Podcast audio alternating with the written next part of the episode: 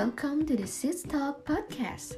Podcast yang merupakan tempat bercerita dari dua orang kakak beradik Yang juga merupakan ibu yang sedang berusaha untuk mengejar mimpi. Di sini kami akan berbagi, bercerita, berdiskusi tentang tips-tips, informasi, pengalaman, dan knowledge yang mungkin saja berguna untuk para ibu lainnya So, jangan sampai ketinggalan dengerin Sis Talk karena setiap diskusi bisa jadi bermanfaat.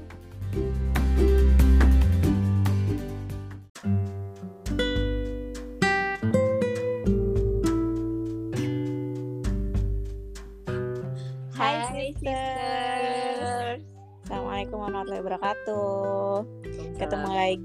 lagi.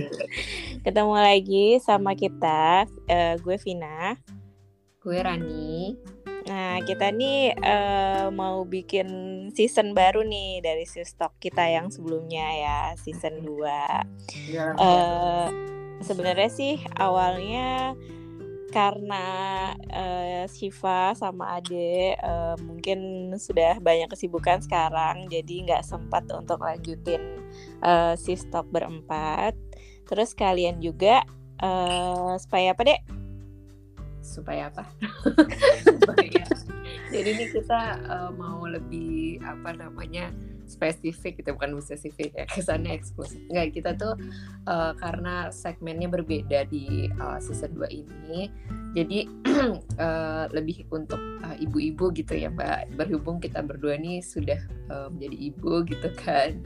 Terus eh, alasan keduanya adalah Mbak Eh, iya, jadi sebenarnya bukan ibu bang, ibu aja sih gitu ya. Jadi bukan sekedar bahas parenting, tapi karena kita itu eh, sama-sama ibu-ibu, terus di umur eh, awal 30-an gitu kan. Gue masih di awal 30 lah ya. Hmm, boleh. Terus kita lagi eh, tertarik banget untuk eh, sama-sama mengembangkan diri, sama-sama mengejar eh, passion dan mimpi kita gitu. Makanya kita sering berdiskusi membahas hal-hal yang eh, terkait eh, yang tadi itu gitu. Dan yang kedua adalah karena eh, kita kebetulan nih lagi LDR nih gitu. Jadi terakhir podcast kita tuh kapan ya? Kayaknya ada satu setengah tahunan yang, yang lalu ya. Iya benar. Ya, jadi sejak satu setengah tahunan yang lalu itu eh, ada beberapa eh, apa sih namanya perubahan dalam hidup Cila. Perbankan. Jadi kebetulan eh, Rani nih gimana deh? Pindah Hmm, ya? Gue harus pindah ke negara sekutu. Jadi eh, apa namanya karena suami kebetulan dapat eh, ada proyek kantor gitu ya di mana memang pusatnya di sini gitu ya, yaitu di Jepang. Jadi eh, kami sekeluarga harus pindah. Jadi ya udah eh, mikir-mikir kan untuk sekalian lanjutin podcast ini biar bisa jadi tempat eh, apa ya supaya tetap terjalin kok apa Supaya kita Kurang lebih masih gitu ya. supaya diskusi-diskusi yang biasanya Hmm. kita lakuin itu bisa tetap berlanjut gitu ya dia meskipun kita lagi LDRan gitu. Nah, kita langsung aja ya di episode pertama ini kita lagi mau berhubung nih. Tadi seperti yang udah dibilang sama satu setengah tahun ini kita mengalami perubahan-perubahan hidup ya kan. Nah, di situ itu kita mau nggak mau belajar untuk adaptasi gitu. Makanya di episode pertama kita berdua ini kita lagi mau ngomongin tentang adaptasi. Siapa dulu ya? Sebenarnya yang kelihatan banget adaptasinya tentu yang baru aja pindah ya, baru aja pindah ke apa kota baru, negara baru gitu ya. Banyak perubahan-perubahan pasti ya, Dek. Gimana, Dek? Setelah udah berapa lama ya pindahnya? Udah, jadi gue ke sini dari bulan Juli, Juli tanggal 20-an lah ya. Berarti ya hampir 4 bulan ya. Iya ya, hampir empat Iya, bulan, benar. 5 deh, 5 ya? Eh, Agustus, September, Oktober, November 4 dong. Ya, 4, sorry. Ya, udah 4 bulan. Heeh. Ya, udah langsung, eh gue cerita dulu deh ya. Boleh. Jadi apa namanya, hmm, gue pindah ke sini uh, dari bulan Juli waktu itu tuh lumayan uh, ini sih apa ya tantangannya lumayan besar gitu kayak hmm. dari gue berangkat waktu itu benar-benar berangkat tuh sama anak-anak doang kan bertiga karena suami duluan hmm. jadi dari situ tuh udah benar-benar langsung kayak dari sejak apa diantar waktu itu alhamdulillah masih dianterin ya ke bandara terus hmm. uh, apa naik pesawat nah itu udah benar-benar kayak wah gue benar-benar udah kerasa banget perubahannya gitu ya hmm, karena kan tadinya juga uh, apa selama nikah tuh dekat gitu ya sama orang tua sama kakak adik masih satu inilah satu komplek gitu kan jadi emang maksudnya belum pernah yang rasanya benar-benar kayak ngerantau gitu abis nikah gitu mm-hmm. benar-benar udah ngerantau jauh terus kayak gitu bahasanya beda gitu kan budayanya beda bahkan mm-hmm. apa namanya tulisannya juga beda gitu kan jadi mm-hmm. lumayan, uh, lumayan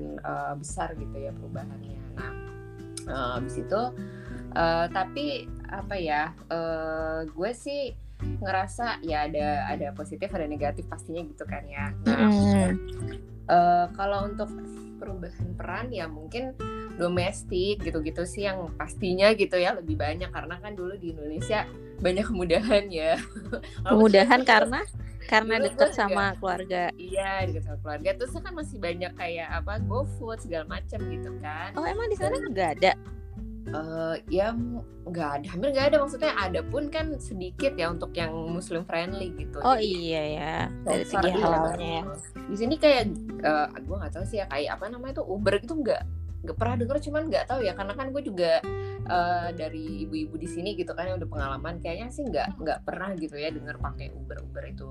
Terus uh, ya udah apa kalau dulu kan walaupun dulu gue juga nggak pakai ART gitu ya di rumah tapi uh, ya itu dengan dekat sama keluarga tuh ya banyak lah kemudahan gitu kan. Kadang kayak kirim-kirim makanan segala macam gitu. Jadi kayak bisa lah kayak nggak usah masak tiap hari. Di sini bener-bener kalau nggak masak ya nggak makan gitu kan. Iya ya. dari situ. Kalau kayak resto-resto di sekitar rumah gitu nggak ada yang muslim friendly emang? Hmm, um, uh, resto ya agak jauh sih. Karena di oh ya terus.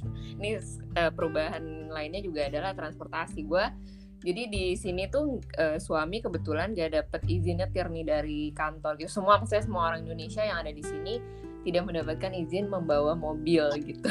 Jadi semua uh, orang Indonesia yang kerja di kantornya. Mm, kebetulan bukan di Jepangnya ya, tapi di kantor suami. Mungkin karena uh, track recordnya gitu kurang baik. Oh, bagus gitu. Ya. Sedih banget. Budaya, budaya nyetir di Indonesia mungkin terkenal kurang baik. Ugal-ugalan ya dari pihak kantornya nggak mau tanggung jawab lah kalau ada kenapa-napa gitu kasarnya ya. Kan mereka mendatangkan orang gitu kan. Hmm. gitu. Jadi memang Bagus sih berusaha bertanggung jawab ya. Mm di sini ya kami pakai sepeda tapi alhamdulillah sepeda listrik ya jadi nggak terlalu capek. Hmm. sepeda kereta jadi ya mungkin yang uh, tadinya terasanya dekat gitu lah ya kalau naik mobil jadi kayak jauh kan karena harus muter-muter ya Mm-mm, jadi kayak nggak semudah itulah buat uh, nyari makan di luar dan jauh jauh lebih lebih mahal untuk makanan beli gitu. Hmm, berarti satu. emang mm-hmm. harus nyetok banget grocery gitu ya? Mm-mm, bener banget, cuman ya masih kayak ya makanan-makanan apa sih istilahnya instan gitu ada lah ya yang halal gitu. Alhamdulillah di sini sih cukup dekat sebenarnya dari uh, apa istilahnya ya uh, minimarket gitu atau supermarket besar gitu. Jadi kayak ya gampang sih cuman ya itu harus naik sepeda gitu kan terus bawa dua anak ya. Kalau dulu mungkin pergi bisa uh, nitip ke kakek nenek gitu kan atau tante tante gitu di sini ya tidak bisa. Tapi bukannya banyak ibu-ibu sana itu nggak bisa saling kalau belum ikrip oh, banget gitu ya? Nggak bisa saling nitipin anak. Bisa aja sih bisa bisa bisa. Ya itu ya lumayan lah bisa juga. Cuman ya mungkin kan nggak nggak se apa ya nggak se sedekat kalau ke keluarga Masih sendiri gitu. ya. nah, dan anak-anaknya juga kebetulan masih yang uh, agak susah gitu tipenya sama orang. Iya, gitu. mungkin karena belum lama banget juga kan. Hmm, Semakin lama itu kan sebenarnya mereka-mereka yang di sana tuh akan terasa seperti keluarga gitu loh. Benar-benar, ya itu sih. Gitu. Hmm, Terus, gitu. Uh, nah cuman gue tuh uh, apa namanya sebelum ini kan gue memang uh, ini ya ngambil kayak uh, apa namanya kerjaan-kerjaan project gitu atau freelance kayak lumayan uh, apa namanya cukup aktif di beberapa komunitas gitu. Jadi uh, itu tetap gue lakukan di sini sih karena ya itu menurut gue itu uh, cara gue untuk coping gitu ya dengan uh, mungkin apa sih istilahnya beban keseharian. Hmm. ya gue merasa itu kayak hal yang cukup menolong gitu ya ketika menolongnya gimana maksudnya ketika lagi ya gue tuh jadi gue tuh ya gue, adalah tipe yang kayak gue tuh bosenan gitu orang kayak bosenan oh. dengan padahal itu sesuatu yang baru kok udah bosan maksudnya gimana? Apa tuh? Enggak, gue tuh gue tuh tipenya bosan kebosan dengan rutinitas yang itu itu aja gitu. Oh. makanya gue tuh kadang ada hari-hari di mana mungkin gue lagi semangat nih membersamai anak nih lumayan uh, apa banyak gitu kegiatan. Ada hari-hari misalnya gue uh, fokus di ya udah ngurusin rumah misalnya gitu ya. Terus ada kayak uh, ya itu ngurusin project. Projectnya kan karena emang memang kayak beda-beda gitu kan. Mm -hmm. gitu. Jadi gue merasa kayak uh, senang gitu sih ada aja hal yang baru gitu. Dan ya kalau untuk uh, ada terkait pindahannya gitu ya hal yang membuat uh, hal yang positif bagi gue sebenarnya ya, ya cukup banyak juga sih. Maksudnya dengan fasilitas di sini yang uh, cukup ramah anak gitu kan. Jadi kayak hmm. misalnya di sini kan terkenal aman gitu ya buat anak-anak gitu. Jadi misalnya gue belanja dengan dua anak terus mereka kayak lari-lari udah nggak kelihatan mata gue tuh kadang kayak ya udah aja gitu. Nggak ada kekhawatiran takut tiba-tiba diculik gitu karena aman gitu di sini gitu. Dari segi itunya malah mudah gitu ya maksudnya. Mm-hmm. perubahan banyak sama di mana-mana juga jadi kayak nggak perlu keluar duit banyak untuk anak-anak misalnya bisa iya benar-benar. enaknya kalau di negara maju ya fasilitas apa playgroundnya itu kayaknya oke okay banget gitu ya. Bener dan Nah itu sih tapi uh, kan kendalanya tadi di bahasa juga gitu kan di bahasa hmm. di, Kalau belanja belanja gitu lo butuh komunikasi banyak gak sih? Kalau minimarket kan cuma uh, kasir ya? Uh, uh, enggak sih, cuman kalau gue sih gue tipe yang kayak gue sebenarnya agak guilty nih ketika ada orang Jepang yang ngajak ngobrol gue, terus gue nggak ngerti gitu kan. Jadi kenapa dia ngajak ngobrol lo? Ya pengen aja misalnya ya apa ya misalnya. Oh ya, gitu ya ramah-ramah gitu ya? Ada beberapa ada yang cowok-cowok juga ada. Sebenarnya di sini sih lebih ke individualis ya. Tapi kayak nenek-nenek gitu banyak yang suka ngajak ngobrol oh ya karena lo bawa anak ya. Mm-mm, kayak gitu. Karena dia ngobrol gitu kan terus kayak gue nggak bisa nggak ngerti dia ngomong apa jadi gue minta maaf aja kan. Cuma terus orang gitu. sana juga banyak yang nggak terlalu pintar bahasa Inggris ya. Jadi kalau ya, kita benar. bahasa Inggris susah Oh, di sini tuh katanya yang kalau bisa bahasa Inggris tuh kayak cukup berpendidikan gitu, cukup oh, terkenal. Gitu. Nah, jadi ya gue ya gue uh, apa ya berusaha sih untuk belajar uh, bahasa Jepang terutama gitu. Di sini sih alhamdulillah ibu-ibunya saling bantu juga gitu. Jadi maksudnya ada yang udah bisa nih dia bikin kelas setiap minggu sekali buat para ibu lain. Terus wow free tuh. ada kayak uh, uh, ya ya. Iya. Di uh, uh, di rumah nolong aja gitu ya mm, di di di apa sih di flatnya dia udah gitu ya udah di situ ya ini aja gitu maksudnya pada belajar kalian bersosialisasi juga ya. Ah, benar ketemu ketemu. Kayak gitu sih. Hmm. berarti ya. itu sebagai itu overall ya sebagai uh, apa namanya perubahan sebagai apa eh, perubahan sebagai diri sendiri gitu termasuk juga perubahan sebagai orang tua gitu ya yang hal-hal yang rasain tuh kira-kira itu ya. Mm-mm, bener. Cuman uh, ini juga sih uh, apa ya gue merasa lebih apa ya karena gue mungkin mengatur semua waktu gue sendiri gitu di sini. Jadi kayak sebenarnya lebih punya banyak waktu untuk kayak mengembangkan diri juga gitu. Hmm, karena karena waktu waktu eh waktu uh, apa namanya kebutuhan eh bukan kebutuhan sih waktu untuk bersosialisasinya berkurang nggak apa sama aja Hmm. Kan kalau di Indonesia, eh maksudnya pas lagi di sini kan kayak ada kegiatan keluarga dan iya, sebagainya ya, yang jadi nggak ada. Iya, iya benar.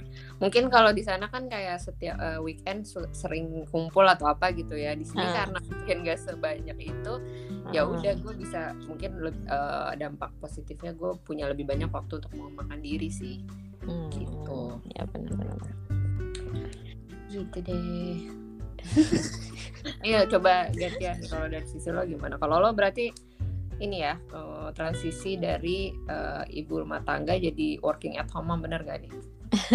sebenarnya kan gue uh, dulu-dulu tuh sebenarnya juga nggak bener-bener full IRT kan. Kadang-kadang gue ada usaha jualan dan sebagainya. Tapi emang gue kerasa baru dua tahunan ini yang gue uh, lebih serius nih gitu loh. Lebih serius maksudnya dari ngedesain terus gue bikin konten. Itu kan gue usahain lebih serius gitu. Makanya lebih kerasa transisinya dibanding dulu-dulu gitu. Hmm. nah jadi uh, makanya uh, pas kita mau ngomongin adaptasi nih gue kepikir uh, itu juga sesuatu uh, suatu hal yang lagi gue uh, jalanin sekarang gitu kan. Hmm. Jadi uh, di awal-awal episode dulu season 1 gitu Cailah season 1 itu gue baru start ya baru start seriusin gitu makanya ini satu sekitar satu setengah tahun kemudian tapi baru beberapa bulan lalu tuh gue yang benar-benar uh, hai, sampai hire pengasuh buat si Nena ya kan anak gue yang bungsu. Nah di situ baru kerasa tuh karena gue jadinya kayak punya jam kerja gitu kan. Punya jam kerja gitu.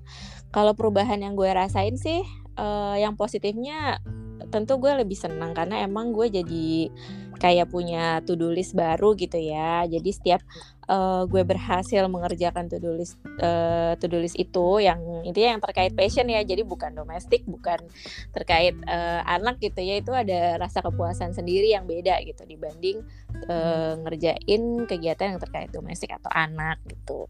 Tapi tentunya gue juga uh, ada perubahan yang gue ngerasa lebih capek karena kan sebenarnya workload gue bertambah dan waktu istirahat gue berkurang gitu kan hmm. karena ya namanya ibu-ibu ya meskipun kerja tetap aja pikiran tentang domestik sama tentang anak yeah. mah ada aja gitu. Jadi sebenarnya gue nambah workload baru itu yang berasa capek. Terus yang benar-benar baru dan terkait ini juga gue uh, jadi punya rasa uh, insecure karena gue punya tanggung jawab baru nih gitu. Karena hmm. gue punya klien gitu kan. Kalau terkait apa namanya kerjaan desain terus gue punya brand yang gue misalnya kerja sama kalau bikin konten nah itu kan gue punya tanggung jawab baru di mana sebelumnya gue udah lama tuh nggak punya relationship kayak gini gitu. Itu gue hmm. punya rasa insecure gitu loh. Karena ya gak nggak biasa gitu kan. Itu hal-hal yang gue ngerasa perlu adaptasi. Terus, nah sebagai orang tua juga gue uh, pastinya ngerasa sedih ya misalnya, karena gue kan kerja dari rumah ya. Kalau misalnya kerja di luar gitu, kita kan gak ngeliat ya anaknya misalnya yeah, dia ngereng ngerengek, pengen sama hmm. kita gitu kan. Itu kan kerasa sedih. Tapi kalau kita di luar kan kita nggak ngeliat gitu ya. Kalau ini kan karena gue di rumah ya kedengeran nih misal dia lagi nangis, si Nena lagi nangis pengen sama gue gitu kan. Sedih kalau pas dia lagi ngerengek, kalau dia lagi ngeliat misalnya gue uh, lagi kerja di kamar kedengeran kan kalau dia nangis gitu ya terus ya karena nih gue belum menemukan belum udah ya sekarang. Pokoknya gue beberapa kali ganti pengasuh kan kemarin gitu. Nah di situ tuh gue ngerasa guilty gitu kan. Kasihan nih dia gonta ganti dia bingung gak ya gitu kan. Terus uh, apa namanya misalnya gue ngedenger interaksi mereka yang bagi gue bukan interaksi sorry uh, kegiatan mereka yang kadang-kadang bagi gue kurang berisi gitu mainnya gitu ya. Maksudnya kayak ih kalau gue yang nemenin kan bisa lebih oke okay, misalnya gitu ya. BM kan BM gitu. Mau kerja juga tapi nggak mau anak kualitasnya kehilangan. uh, uh, bukan kehilangan momennya tapi nggak mau kualitas apa namanya oh, keseharian. anak tuh berkurang gitu kan. Itu di situ gue guilty gitu. Ya itu sih perubahan-perubahan yang gue rasain gitu.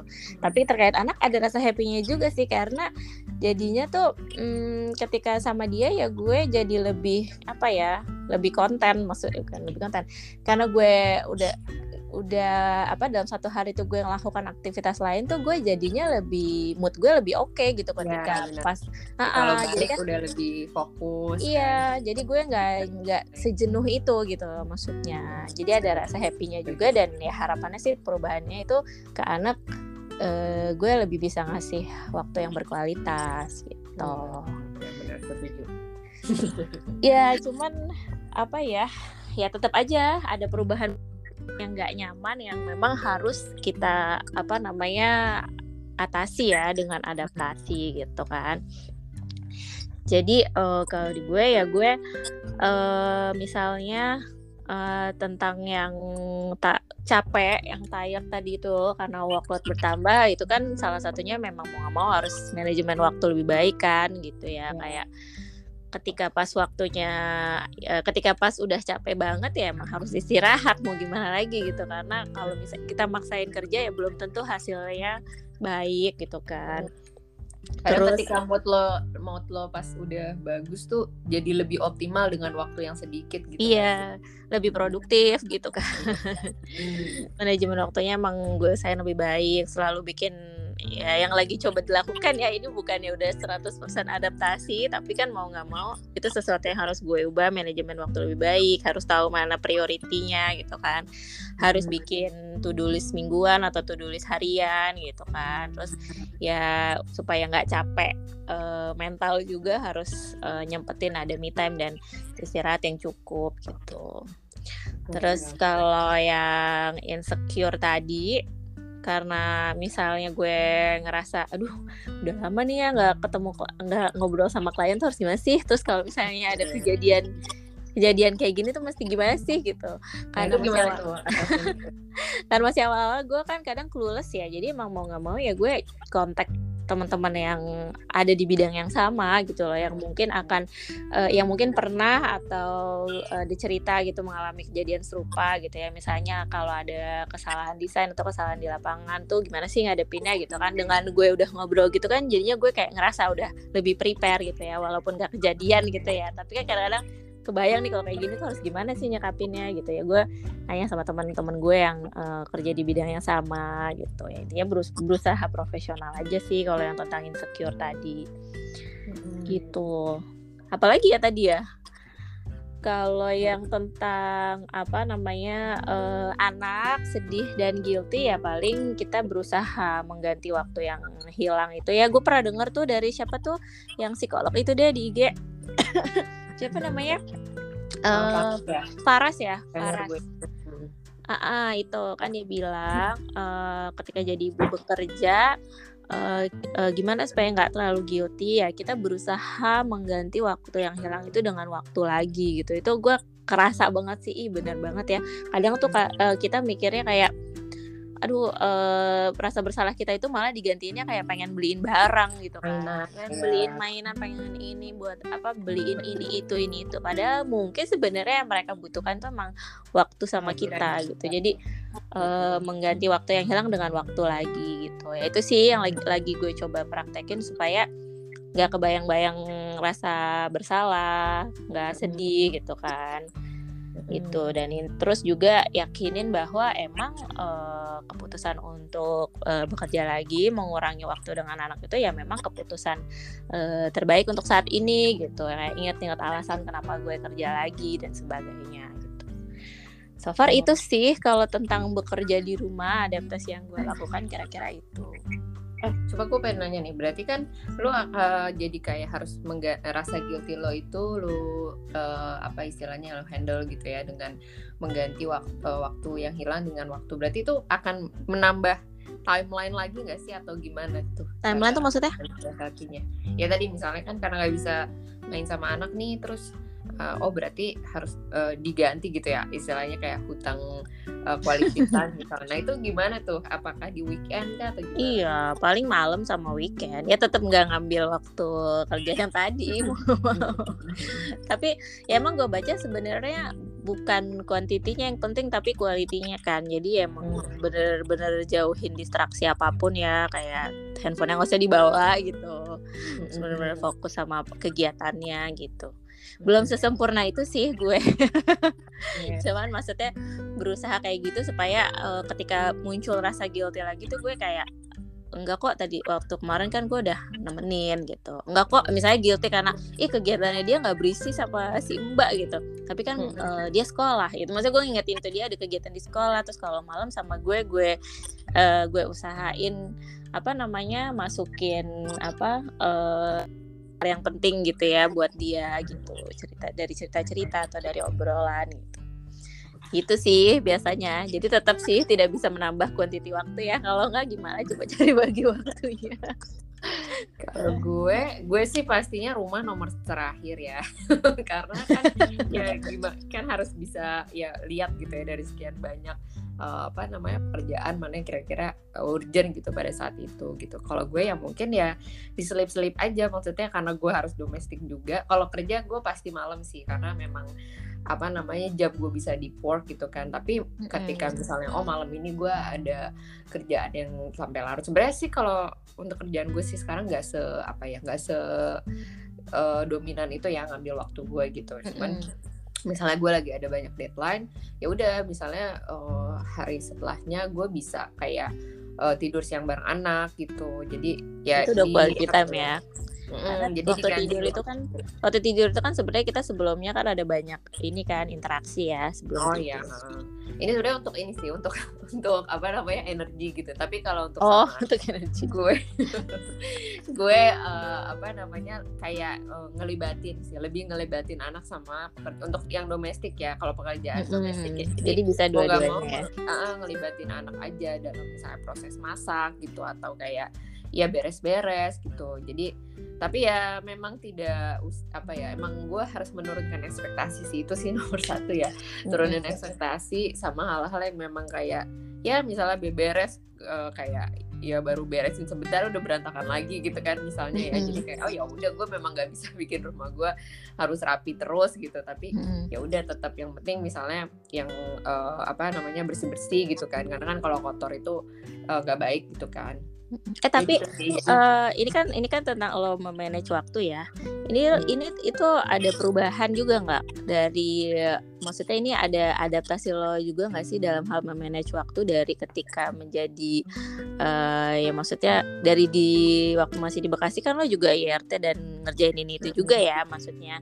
Itu ada perubahan nggak sih dari segi manage waktunya apa sama aja?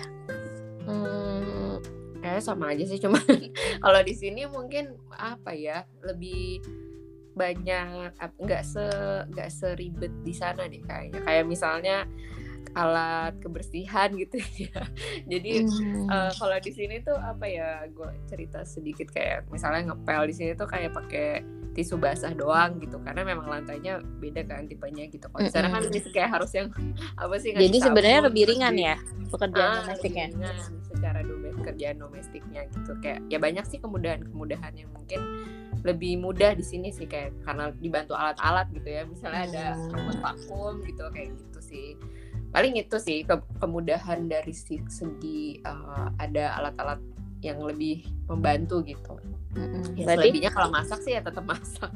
Sama tetap aja kalau masak ya. Mm-hmm. Berarti Jadi, kalau gitu. dari segi pekerjaan domestik sebenarnya uh, lebih mudah justru ya, bukan perubahan yang tidak nyaman yang lo butuh oh. adaptasi gitu. Mm-hmm, bener-bener.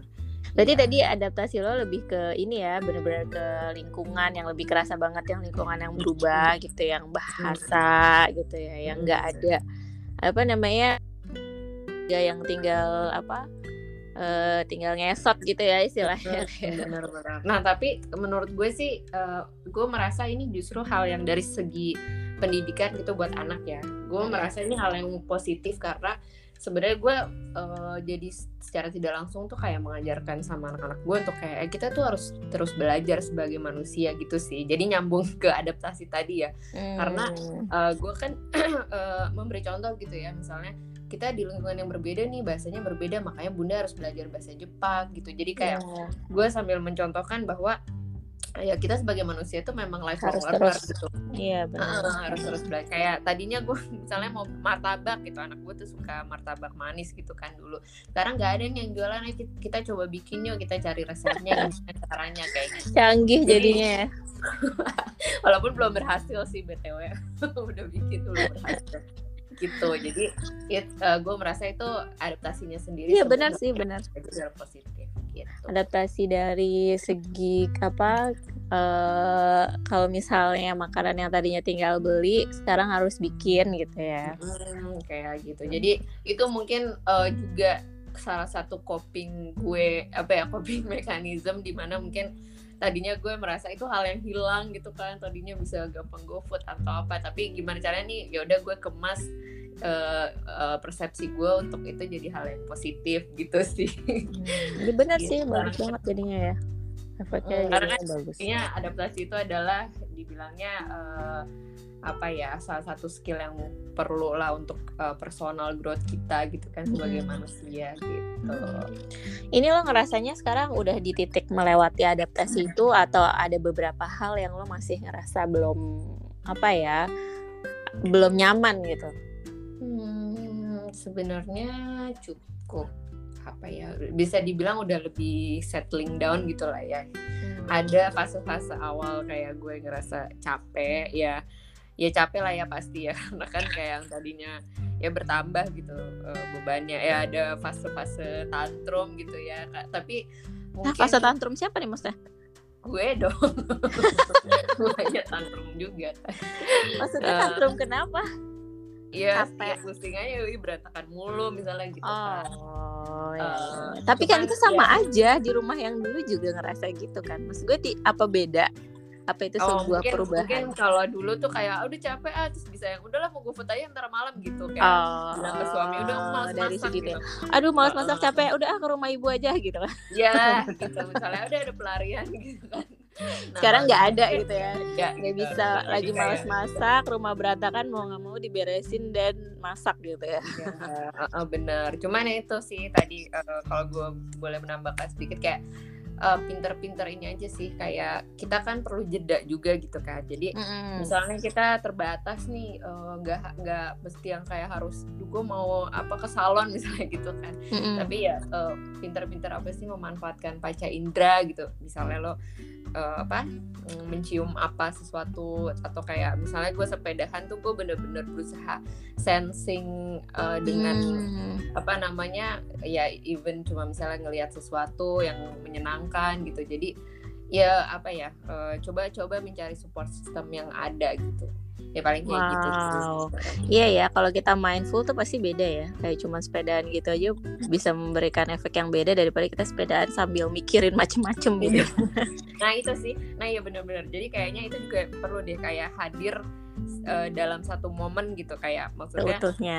ah nggak kalau ya memang nggak mungkin kita sebagai ibu menghindari multitasking nggak mungkin sih pasti kan Hmm. pasti tetap aja ya cuman sebisa mungkin kayak ya udah saat misalnya gue saat harus masak ya udah fokus masak biarin anak main dulu misalnya gitu, Hmm. gitu atau lagi main sama anak oh ya udah gitu. Ya gitu sih yang gue berusaha walaupun ya ya prakteknya juga masih suka eh, kepleset kepleset ya tanda kutip. Cuman ya itu sih paling itu aja gue berusaha terapin dengan banyak perangkat gitu. Kalau gue ngerasanya kalau yang apa capek, yang capek terus yang ngerasa insecure terhadap apa pekerjaan gue itu sebenarnya sudah hampir teratasi ya karena kalau overall tuh dari awal ya udah satu tahunan lebih lah gitu ya kalau dari awal mulainya banget. Tapi yang justru seri- masih sering muncul ya emang ke anak sih gitu.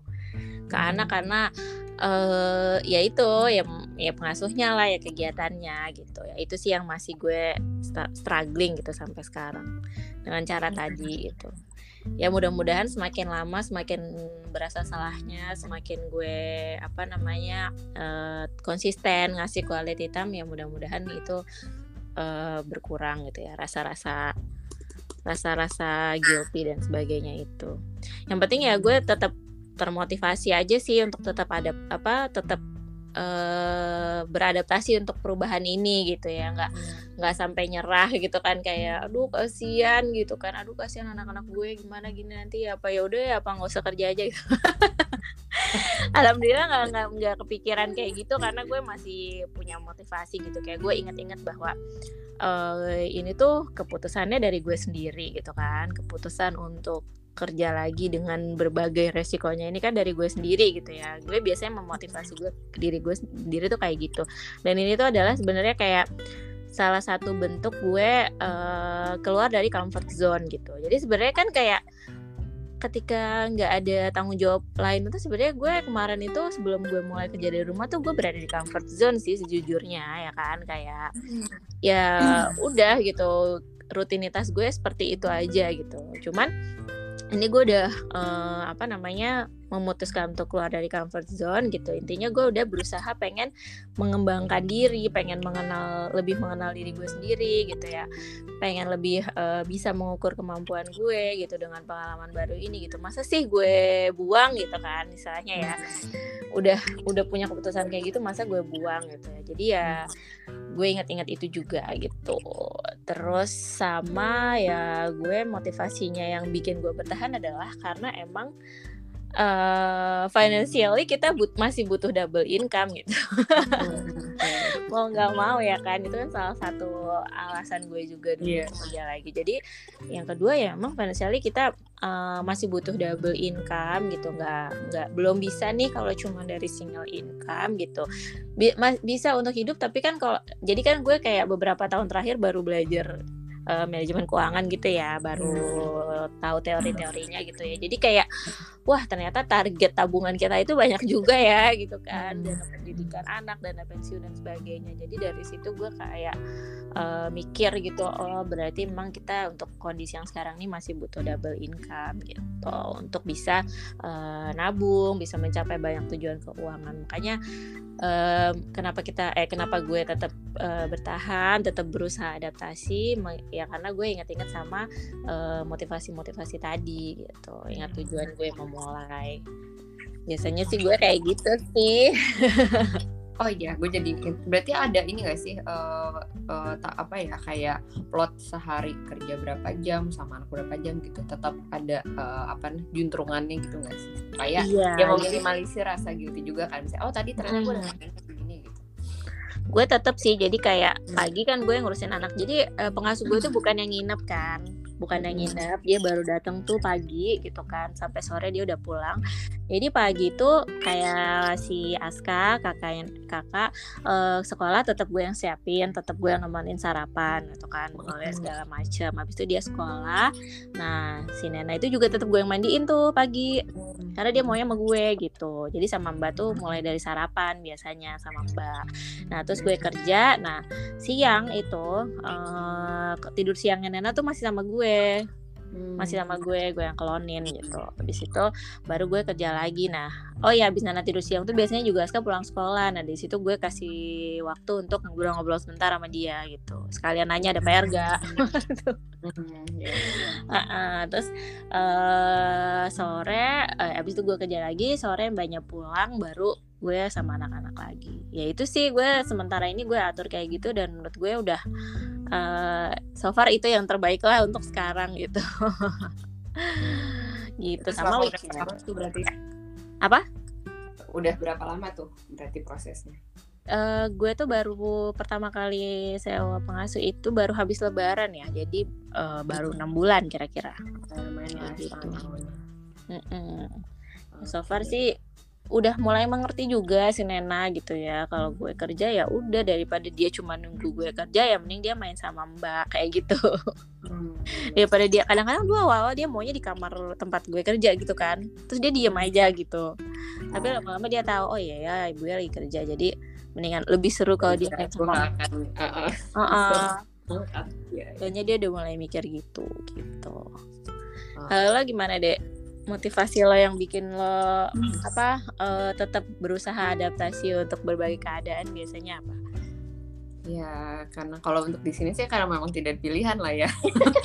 ya maksudnya emang. Gak bisa tiba-tiba ya udah deh LDM aja gitu. Okay. Uh, uh ya tapi ya gue tetap mikir oh banyak uh, benefitnya juga maksudnya kan kita memang harus ya namanya hidup kan win some lose some gitu kan jadi ya udah ada yang berkurang ada yang harus dimenangkan ada yang harus direlakan juga jadi hmm. ya udah ingat-ingat aja tujuannya oh di sini tuh uh, benefitnya nih misalnya gue bisa uh, dapat sekolah untuk anak-anak misalnya yang oke okay nih tapi dengan budget yang gak terlalu besar nih misalnya di Indonesia kan mungkin pendidikan yang bagus tuh lebih mahal gitu oh, ya. Oh iya benar-benar uh, terus ya udah ada tujuan finansial lain juga yang bisa mungkin dicapai kalau harus kerja walaupun jauh gitu kan. Terus uh, untuk yang peran-peran yang gue ambil itu ya memang uh, ada tujuan besar lah yang kalau sekarang belum bisa gue capai tapi mudah-mudahan step-step kecil ini kalau gue uh, bisa manfaatkan nih bisa jadi uh, apa ya peluang gue nih untuk uh, mencapai tujuan gue yang nantinya gitu mau gue capai gitu sih. Hmm, itu sih paling motivasinya. Emang soalnya uh, perubahan itu membuat kita apa ya lebih berkembang sebenarnya ya. Kalau kita nggak kalau kita bisa beradaptasi dengan baik gitu kan kita kita jadi menemukan hal baru gitu kan. Oh ternyata bisa nih gue kayak gini gitu dibanding stuck apa stuck di comfort zone tadi gitu kan karena kan satu-satunya hal yang uh, konsisten dalam hidup ini adalah perubahan kan, Asik.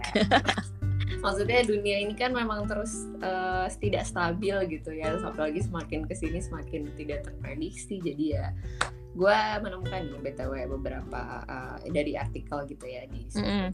Intinya gimana sih kita menyikapi perubahan gitu kan? Eh perubahan sorry maksudnya uh, adaptasi gitu ya gimana caranya?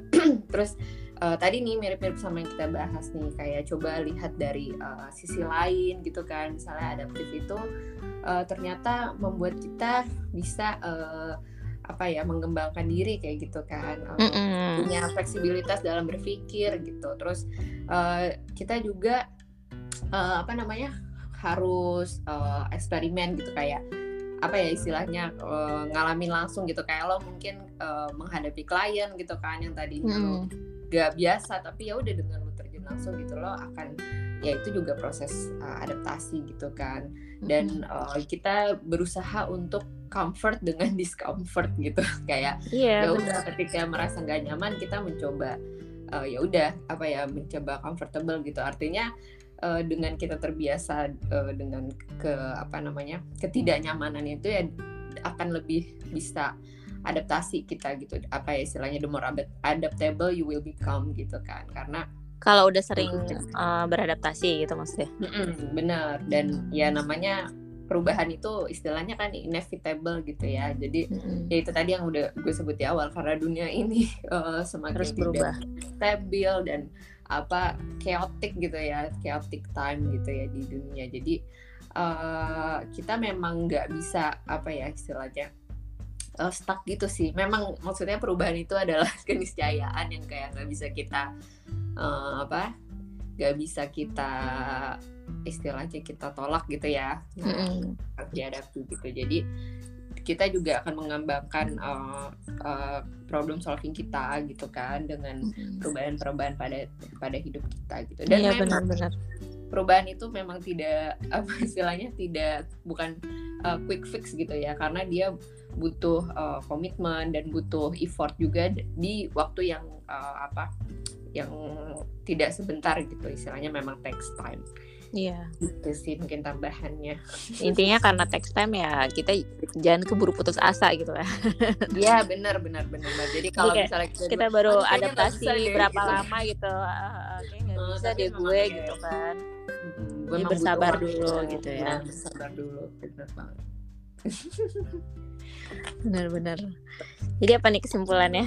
Kesimpulannya ya terus beradaptasi. Nggak usah takut keluar dari comfort zone mungkin ya, karena uh, adaptasi itu adalah salah satu apa ya proses dalam hidup yang uh, harus dilakukan kalau kita mau berkembang gitu kan. Hmm, benar. Dan menurut gue mungkin kalau mau nyambungin sama uh, ya diri kita ya kita pastinya sebagai manusia akan terus uh, belajar gitu kan belajar beradaptasi dan itu juga akan menjadi nilai-nilai yang uh, kita perlu turunin buat anak-anak juga sih gitu dengan kita uh, memberi contoh gitu adaptasi ya itu akan menjadi skill yang pastinya sangat-sangat uh, penting gitu buat anak-anak mm -hmm. di depannya gitu. Itu dari segi orang tua gitu ya. Kita sebagai orang tua kalau kita bisa beradaptasi gitu itu juga jadi salah satu ilmu yang dilihat sama anak gitu ya. Hmm, iya benar-benar benar banget. Jadi role model.